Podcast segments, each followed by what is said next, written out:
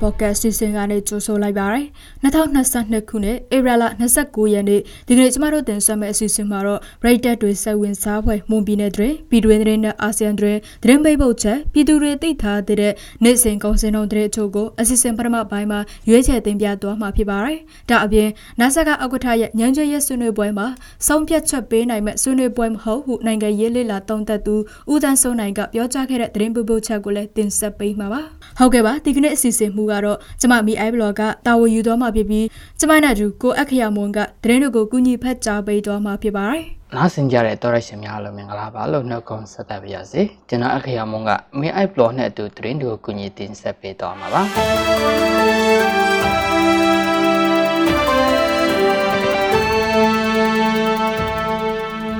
မော်လမြိုင်မြို့မင်းရွာကျေးရွာကရောဘာချန်ဝင်းမှာဆိုင်ကယ်ကယ်ရီမောင်းနှင်သူအသက်ခံခဲ့ရတဲ့ဖြစ်စဉ်နဲ့ပတ်သက်ပြီးကျူးလွန်သူနှစ်ဦးကိုဖမ်းဆီးရမိထားတယ်လို့သိရပါတယ်။တရားခံနှစ်ဦးကိုထိုက်တဲ့အပြစ်ဒဏ်များချမှတ်နိုင်မယ်လို့မိသားစုဝင်တွေကယုံကြည်နေကြပါတယ်။ပြီးခဲ့တဲ့၄ရက်ကအသက်ခံခဲ့ရတဲ့ကိုကျော်ကျော်သူရဲ့ဆိုင်ကယ်ကိုကျွဲချန်ကုတ်ရက်ွက်ဘုံကွေကောင်းလန်းနေဝေရအသက်18နှစ်နဲ့မော်လမြိုင်မြို့မြိုင်သာရရက်ွက်တဲ့လန်းနေကောင်းမြက်ရက်ရက်ခတာကြီးဆိုသူက ငားရန်ခဲ့ပြီးမော်လမြိုင်ကြက်မီရောကားလက်မကနေလေးဖာလုံးခက်ကွာမင်းရွက်ကျေးရောရောဘာချန်အတွင်ကိုပို့ဆောင်ခိုင်းခဲ့တယ်လို့သိရပါတယ်။ရောဘာချန်အတွင်ရောက်ရှိချိန်မှာဆိုင်ကယ်ကိုရက်ခိုင်းပြီးဝေရနဲ့ကောက်မြက်ရဲရခတာကြီးတို့နှစ်ဦးကကိုကြော်ကြော်ထူကိုလုံးသွေးတက်ပုတ်ပြီးဝေရန်ကအနီးမှာရှိတဲ့ကြောက်တုံးနဲ့ ကိုကြော်ကြော်ထူရဲ့အကောင့်ကိုထုပြီးနောက်ကိုကြော်ကြော်ထူရဲ့ဆိုင်ကယ်ကိုယူဆောင်ပြီးမောင်းနှင်းထွက်ပြေးသွားခဲ့တယ်လို့သိရပါတယ်။ဖြစ်စဉ်ဖြစ်ပွားခဲ့တဲ့နေရာကိုတပ်ဆိုင်ရာကလာရောက်စစ်ဆေးရာတွင်ကိုကြော်ကြော်ထူလဲကျဒေဆုံးနေတဲ့နေရာအနီးချုံပေါ်တွင်က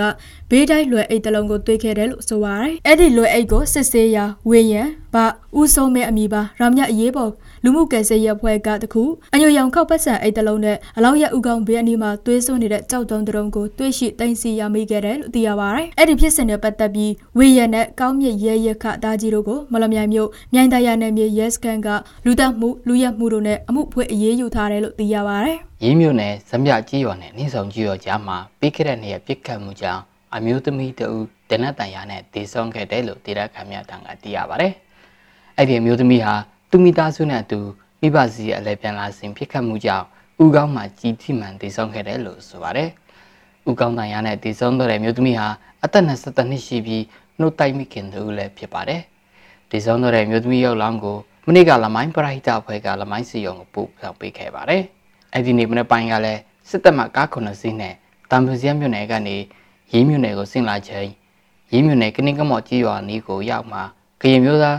မြောက်ရေးတပ်မတော် KMRA နဲ့တောင်ညိုပြည်သူ့ပျောက်ကြားတပ်ဖွဲ့ပူပေါင်းခြုံခိုပြစ်ခတ်မှုဖြစ်ပွားခဲ့ပါတယ်။အဲ့ဒီပြစ်ခတ်မှုမှာ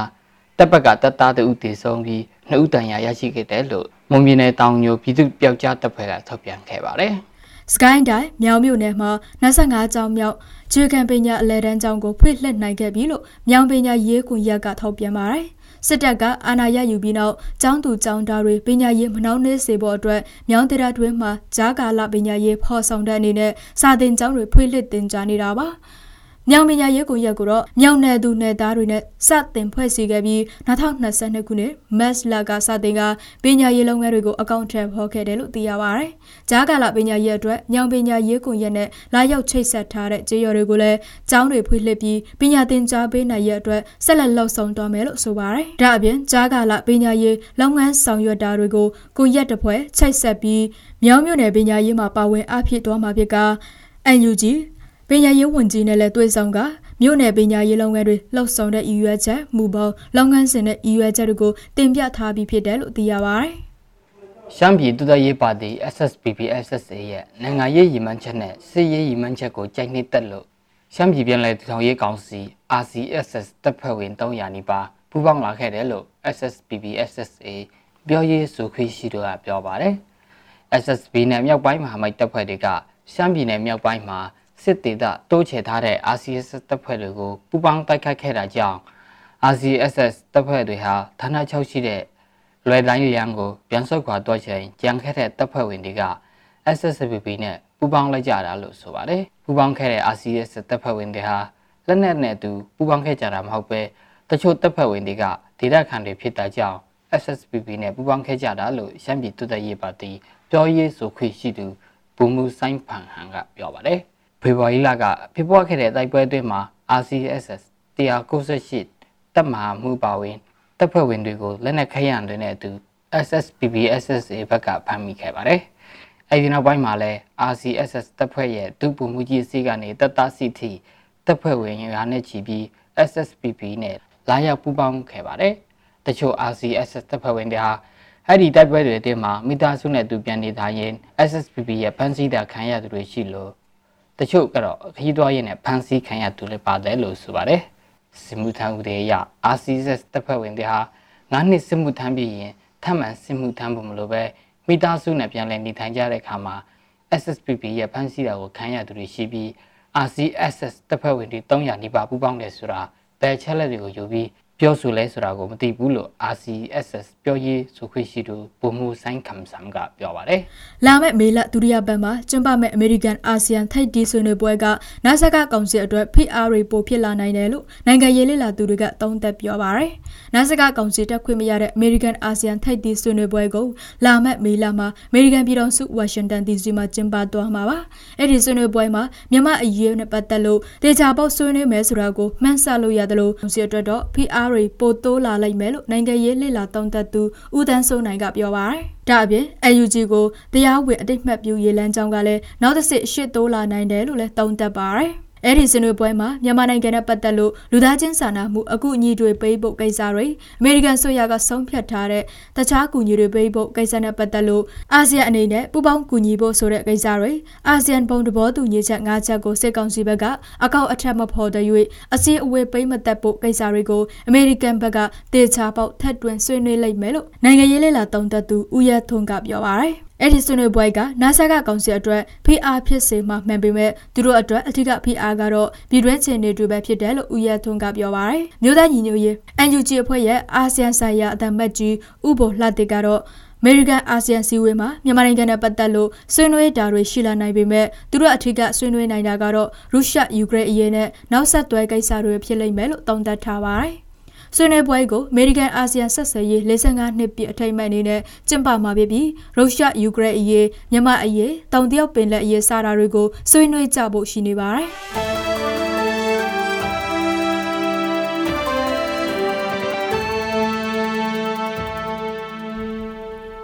ဟုတ်ကဲ့ပါဆက်လက်ပြီးတော့ပြည်သူတွေသိထားတဲ့နေ့စဉ်ကောင်းစင်တော်တဲ့အချို့ကိုမလမြိုင်ကောင်စီတိုင်းကအချက်လက်တွေကိုအခြေခံပြီးကျမ MI blog ကတင်ဆက်ပေးပါဦးမယ်ရှင်။ ဒီကနေ့ထိုင်းနဲ့မြန်မာငွေလဲနှုန်းကတော့ထိုင်းဘတ်59.33ည59.3ဝယ်ဈေးရှိပြီးတော့ရောင်းဈေးက60.3ရှိနေပါတယ်။ဒေါ်လာဈေးကတော့အမေရိကန်ဒေါ်လာကိုဝယ်ဈေးမြန်မာငွေ1850.3ရှိပြီးရောင်းဈေးကတော့ရောင်းဈေးကတော့1855.3ကျပ်ရှိနေပါတယ်။ရွှေစဲနှုန်းကတော့မီလင်း16ပဲရေတကြက်သားကို20သိန်း9500နဲ့15ပဲရေတကြက်သားကို18သိန်း8000ရှိနေပါတယ်။ 73စီတွေကတော့တီဆက်တလီတာကို2335ကျပ်အောက်ဒိန်92တလီတာကို1980ကျပ်နဲ့95တလီတာကို2000 2085ကျပ်ထိရှိတာပါရောဘာဇင်းတို့မှာအကောင်ဆုံးကတော့နေလန်းလိုတပေါင်ကို1050ကျပ်ရှိနေပါတယ် 1050ကျပ်ရှိနေပါတယ်။စံစင်းနှုန်းကတော့အကောင်စားပေါ်ဆက်မွေးစံသား80ကို92,500ကျပ်လက်လက်တန်ဆန်မျိုးစားပေါ်ကျွတ်တဲ့စံသား80ကို4,100ကျပ်နဲ့အမထဆန်တွေကတော့စံသား80ကို1,100ကျပ်နဲ့စံသား90ကို1,100ကျပ်ရှိနေပါတယ်။ကျွန်တော်တို့ရဲ့မွန်လန်းမြန်မာပေါ့ကတ်မြန်မာဘာသာအစီအစဉ်ကိုအားပေးနားတော်တာဆင်ကြတဲ့ပရိသတ်များခင်ဗျာ ကျွန်တော်တို့အတန်လွင့်အစီအစဉ်ကနေပြီးတော့ဝန်ပြည်နယ်မှာဖြစ်ပျက်နေတဲ့သတင်းတွေပြည်တွင်းငြိမ်းချမ်းရေးဖြစ်စဉ်တွေအပြင်မြန်မာနိုင်ငံသတင်းနဲ့အာဆီယံသတင်းတွေကိုအပတ်စဉ်တနင်္လာနေ့ကနေတောက်ကြနေ့မှာည9:00နာရီအချိန် Moon News Agency Facebook စာမျက်နှာမှာဝင်ရောက်နားဆင်နိုင်သလိုမွန်လန်းမြန်မာ Podcast စာမျက်နှာမှာလည်းဝင်ရောက်နားဆင်နိုင်ပါပြီ။အားပေးကြတဲ့ပရိသတ်များအားလုံးကိုကျေးဇူးတင်ပါတယ်ခင်ဗျာ။ အခုတင်ဆက်ပေးတော့ခဲ့တာကဧပြီလ29ရက်နေ့မှာဖြစ်ပျက်ခဲ့တဲ့မွန်ပြည်နယ်တွင်ပြည်တွင်သတင်းနဲ့အာဆီယံသတင်းတွေပြင်တနိဒာစီစေးငွေစင်းနဲ့ကောင်စင်တော်တွေကိုတင်ဆက်ပေးတော့ခဲ့တာဖြစ်ပါတယ်။ဆက်လက်ပြီးတော့နာဆက်ကအောက်ကထရဲ့ငင်းချရေးဆွေးနွေးပွဲမှာစောင့်ပြတ်ချက်ပေးနိုင်မဲ့ဆွေးနွေးပွဲမဟုတ်ဘူးလို့နိုင်ငံရေးလှလာတုံးသက်သူဦးတန်းစိုးနိုင်ကပြောကြားခဲ့တဲ့သတင်းပိတ်ပုတ်ချက်ကိုစတောင်းတို့ကတင်ဆက်ပေးပါမယ်ရှင်။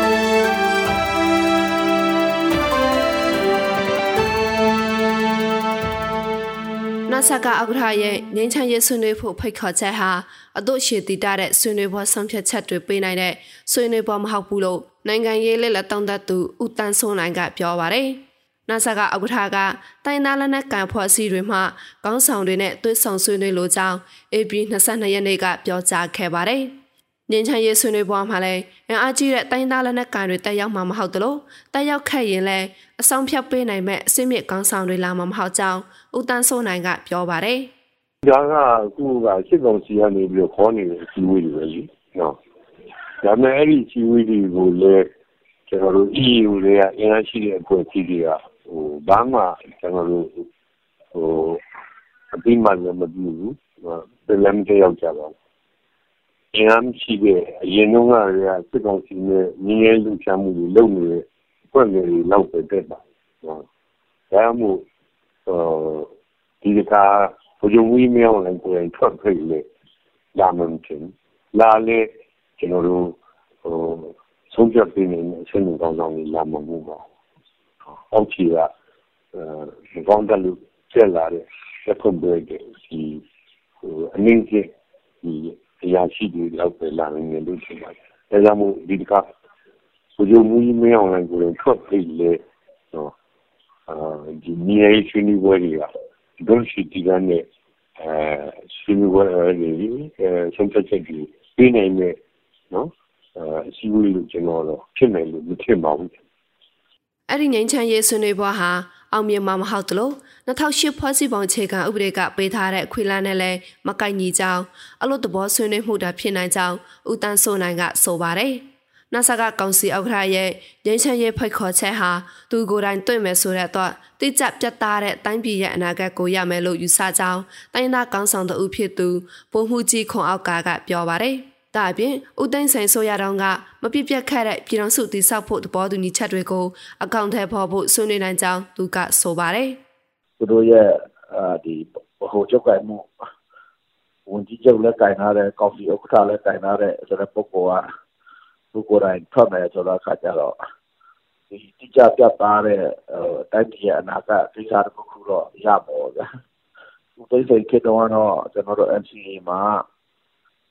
နော်ဒီမိုကရေစီနဲ့ဖက်ဒရယ်စနစ်ကိုအခြေခံသောပြည်ထောင်စုကိုနိုင်စနစ်ပွဲရလာများနဲ့အညီဆောက်ရဆိုတာတော့တို့လက်မှတ်ထိုးခဲ့တာအဲလက်မှတ်ထိုးခဲ့တဲ့ဒီပြည်ထောင်စုတည်ဆောက်ဖို့သဘောတူချက်ကိုလက်တွေ့အကောင့်တွေပေါ်ဖို့နီးနာရှာတဲ့အနေနဲ့အမေဆွေးနွေးမလားတော့မသိဘူးပေါ့ဒါလည်းပါနေတယ်ပေါ့ကျွန်တော်အတူတူပါပါဒီပြဆွေးနွေးဖို့ဖိတ်ခေါ်တာကတိုက်မဲ့ခိုက်မဲ့ စစ်ပွဲတွေလုပ်မယ်ဆိုတာတက်ကိုအများကြီးကောင်းတာပေါ့ဗျာအဲဒီကြောက်မရှိနေတာပေါ့အဲ့ဒါတော့ကျွန်တော်ကကြိုးဆိုရမှာပေါ့အပြည့်ရဆယ်ဖွားနဲ့ဖွဲ့စည်းထားတဲ့ငင်းချမ်းရေးလုပ်ငန်းစဉ်ဦးဆောင်ဖွဲ့ PPSD အနေနဲ့အထူးစီဝေးတရက်ကိုခေါ်ယူကာငင်းချမ်းရေးဖိတ်ခေါ်ချက်နဲ့ပတ်သက်ပြီးဆွေးနွေးသွားမယ်လို့သိရပါဗျ။ 2008ဖွဲ့စည်းပုံခြေခံဥပဒေအောက်ကငြိမ်းချမ်းရေးဆွေးနွေးပြီးရရှိလာတဲ့သဘောတူညီချက်တွေကိုလွှတ်တော်မှအတည်ပြုနိုင်မှသာအတည်ဖြစ်လာမှဖြစ်ကြောင်းဦးတန်းစိုးနိုင်ကဆိုပါတယ်။နှစ်ဖက်ချင်းဆွေးနွေးရုံနဲ့ဖြစ်တယ်ဆိုတဲ့ကိစ္စကတော့တော်တော်ရည်စရာကောင်းတဲ့ကိစ္စ။ဘာဖြစ်လို့လဲဆိုတော့ဒီကိစ္စတွေအားလုံးက2008ဖွဲ့စည်းပုံခြေခံဥပဒေအောက်မှာလုပ်ကြရတဲ့ကိစ္စတွေ။အဲ့တော့ဒီ2008ဖွဲ့စည်းပုံခြေခံဥပဒေ နဲ့အဲအောက်မှာကျွန်တော်တို့ညီကြီးလုပ်ငန်းရှင်တွေလုပ်ကြတယ်ပါညာဆိုတာကပြီးခဲ့တဲ့ဒေါ်စန်းစုကြည်စုအဖွဲ့မှာကျွန်တော်တို့ပင်လုံစီဝေးသုံးရင်လုပ်ခဲ့တာပေါ့လေဟောအဲ့ဒီမှာတချို့ချက်လက်ဒီဆုံးဖြတ်ချက်ရှာတယ်တို့တော့အဲ့ဒါတွေအားလုံးကတွတ်တော်ကိုရောက်မှဒါတွေကဟိုအပြီးဖြစ်လာပါလေအဲ့တော့အခုညီညီကိစ္စနဲ့ပတ်သက်လို့အခုပြောရဆိုရ နှစ်ဖွဲ့ချင်းမှဖြစ်ဖြစ်သုံးဖွဲ့ချင်းမှဖြစ်ဖြစ်ကျဲတယ်လို့ပြောနော်ဒါနဲ့တည်းအဲ့ဒါကြီးဟာနော်တရားဝင်ဖြစ်မှလည်းမဟုတ်ဘူးနော်ဥပဒေချောင်းရလည်းအဲ့ဒါတွေဟာနော်ကျွန်တော်တို့ဟို2008အခြေခံဥပဒေရဲ့ဟိုပေးထားတဲ့အခွင့်အရေးတွေမကိုက်ဘူးအဲ့တော့ဒါတွေကဘာနဲ့တူလဲဆိုတော့အလို့သဘောပြောကြဆိုကြတာမျိုးတော့ရတယ်ပေါ့ဗျာဒါပေမဲ့တို့ရှိတည်တဲ့ညီငယ်ရေးပြီးဆုံးမယ်ဆိုရယ်သူတို့ကောင်းကြီးကြီးနဲ့တော့ ဒီလုပ်ငန်းတွေကဘာမှသိထူးမှာမဟုတ်ဘူးလေငင်းချမ်းရေးဆွေးနွေးပွဲမှာနှစ်ဖက်ချင်းဆွေးနွေးဆောင်ဖြတ်တာဟာမြန်ဆန်ပေမဲ့လည်းအခြားတစ်ဖက်မှာဖြစ်ပေါ်နေတဲ့လက်နက်ကင်ပဏိပခအတွင်းကြံဖက်တပ်ဖြတ်မှုမိရှုဖြစ်စီမှုတွေကြောင့်တိုင်းသားလက်နက်ကင်ဖွဲ့စည်းကအဲ့ဒီဆောင်ဖြတ်ချက်ကိုယုံကြည်မှမဟုတ်ဘူးလို့ဦးတန်းစိုးနိုင်ကပြောပါတယ်။ နာဆာကဥက္ကဋ္ဌက2022ခုနှစ်ကိုငင်းချမ်းရေးနှစ်လို့သတ်မှတ်ထားတဲ့အတွက်တိုင်းသားလက်နက်ကိုင်ဖွဲ့ကကောင်းဆောင်တွေကိုသွေးဆောင်ဆွေးနွေးနိုင်ရေးဖိတ်ခေါ်ပါကြောင်းသွေးဆောင်ဆွေးနွေးမှုကိုမိမိကိုယ်တိုင်သွေးဆောင်ဆွေးနွေးမှာဖြစ်ကြောင်းငင်းချမ်းရေးဆွေးနွေးပွဲကိုတက်ရောက်မဲ့လူပုဂ္ဂိုလ်တွေအနေနဲ့မေလ9ရက်နောက်ဆုံးထားစီရင်ပေးဖို့စီလိုကြောင်းပြောကြားခဲ့ပါတယ်။လက်ရှိမှာတော့တနင်္ဂနွေပြစ်ခတ်တိုက်ခိုက်မှုရက်စက်ရေးသဘောတူစာချုပ် NCA ကို RCSS, KNU, DKBA KNU.KNLAPC, MMSB,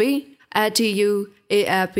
ABSDF, PNLO, CMS စတဲ့တိုင်းသားလက်နက်ကိုင်ဆယ်ဖွဲ့လက်မှတ်ရေးထိုးထားပါတယ်။မြောက်ပိုင်းလက်နက်ကိုင်ဖွဲ့တွေဖြစ်ကြတဲ့ UWSA, NDAA, KIA, SSBB, MMTAA, AA, TNLA တို့ပါဝင် KNBB အဖွဲ့တွေက NCA လက်မှတ်ရေးထိုးရခြင်းမရှိသေးတဲ့အဖွဲ့တွေပဲဖြစ်ပါတယ်။